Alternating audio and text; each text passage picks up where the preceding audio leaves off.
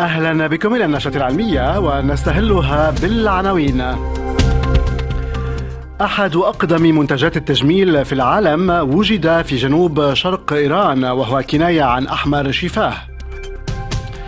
الصيد الجائر قضى على 500 وحيد قرن في جنوب أفريقيا خلال العام 2023 صعوبة النوم تتفاقم أحيانا بسبب تفريش الأسنان بمعجون النعناع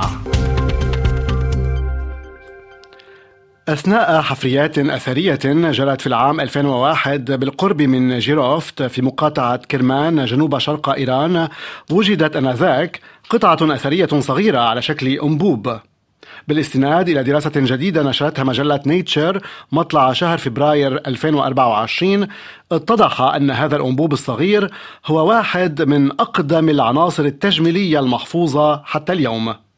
بفضل تقنية التأريخ بالكربون 14 يعتقد علماء الآثار الإيرانيون والإيطاليون أن عمر القطعة يبلغ حوالي 4000 عام وكانت تحوي على الأرجح معجونا يشبه أحمر الشفاه ويمكن ربطه بمجتمع قوي في بلاد ما بين النهرين ألا وهو مجتمع ثقافة مملكة مرهشي.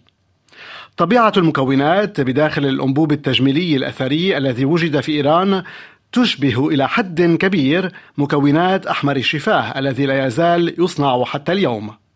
في العصور القديمة كان التبرج مع ما فيه من مستحضرات تجميل حاضرا في التراث الشعبي. لقد استخدم الرجال والنساء على قدم المساواة كحل العيون ايلاينر والبودرة على وجوههم. هذه الممارسات لم تقتصر على إيران القديمة فقد وجد علماء الآثار قطعا تجميلية مماثلة في مصر وتركيا. يبقى أن نشير إلى أن أحمر الشفاه الأقدم في العالم محفوظ حاليا في متحف جيروفت الأثري في إيران.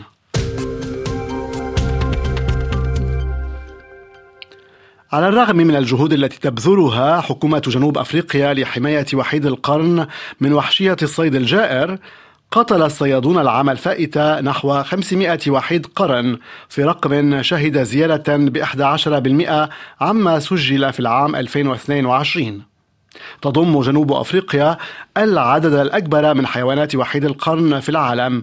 لكن عمليات قتل هذه الحيوانات لغايات تجارية محض تحصل معظمها في متنزهات مملوكة للدولة. كل 16 ساعة يقع ضحية الصيد الجائر وحيد قرن واحد في جنوب أفريقيا. يساهم الطلب على قرون هذا الحيوان في آسيا في زيادة الصيد غير القانوني حين نعلم أن الطب التقليدي يعتمد على قرون وحيد القرن بسبب تأثيراتها العلاجية المزعومة في الشفاء من السرطان أو في تنشيط الرغبة الجنسية. مع أن سعر الكيلوغرام من قرون وحيد القرن يتخطى في بعض الأحيان سعر كيلوغرام الذهب إلا أن الصيد غير المشروع لوحيد القرن زاد بصورة كبيرة منذ العام 2007 عندما بدأت طبقة الأثرياء في الصين وفيتنام وتايلاندا إنفاق المزيد على قرون وحيد القرن لعلاج ما يسمونه بمس الشيطان. منظمة سيف ذورينو غير الحكومية وتجاه خسارة الطبيعة لأعداد كبيرة من حيوانات وحيد القرن دعت إلى تخصيص مزيد من الإمكانات على نحو عاجل بهدف مواجهة الصيد غير القانوني لوحيد القرن. لا يخطر على بال أحد منا أن يكون لمعجون الأسنان تأثير سيء على جودة نومنا. لكن نقلا عن طبيب الأعصاب كريس وينتر الذي يعالج اضطرابات النوم منذ العام 2004 ويدرس ارتباط النوم بأداء الرياضيين المحترفين إن معجون الأسنان بنكهة النعناع قد يعطل النوم لدى البعض منا حين نعلم أن رائحة النعناع تعمل عمل المنشطات. حين يشاء الإنسان النوم فور تفريش أسنانه إن رائحة النعناع وطعمها يعززان اليقظة.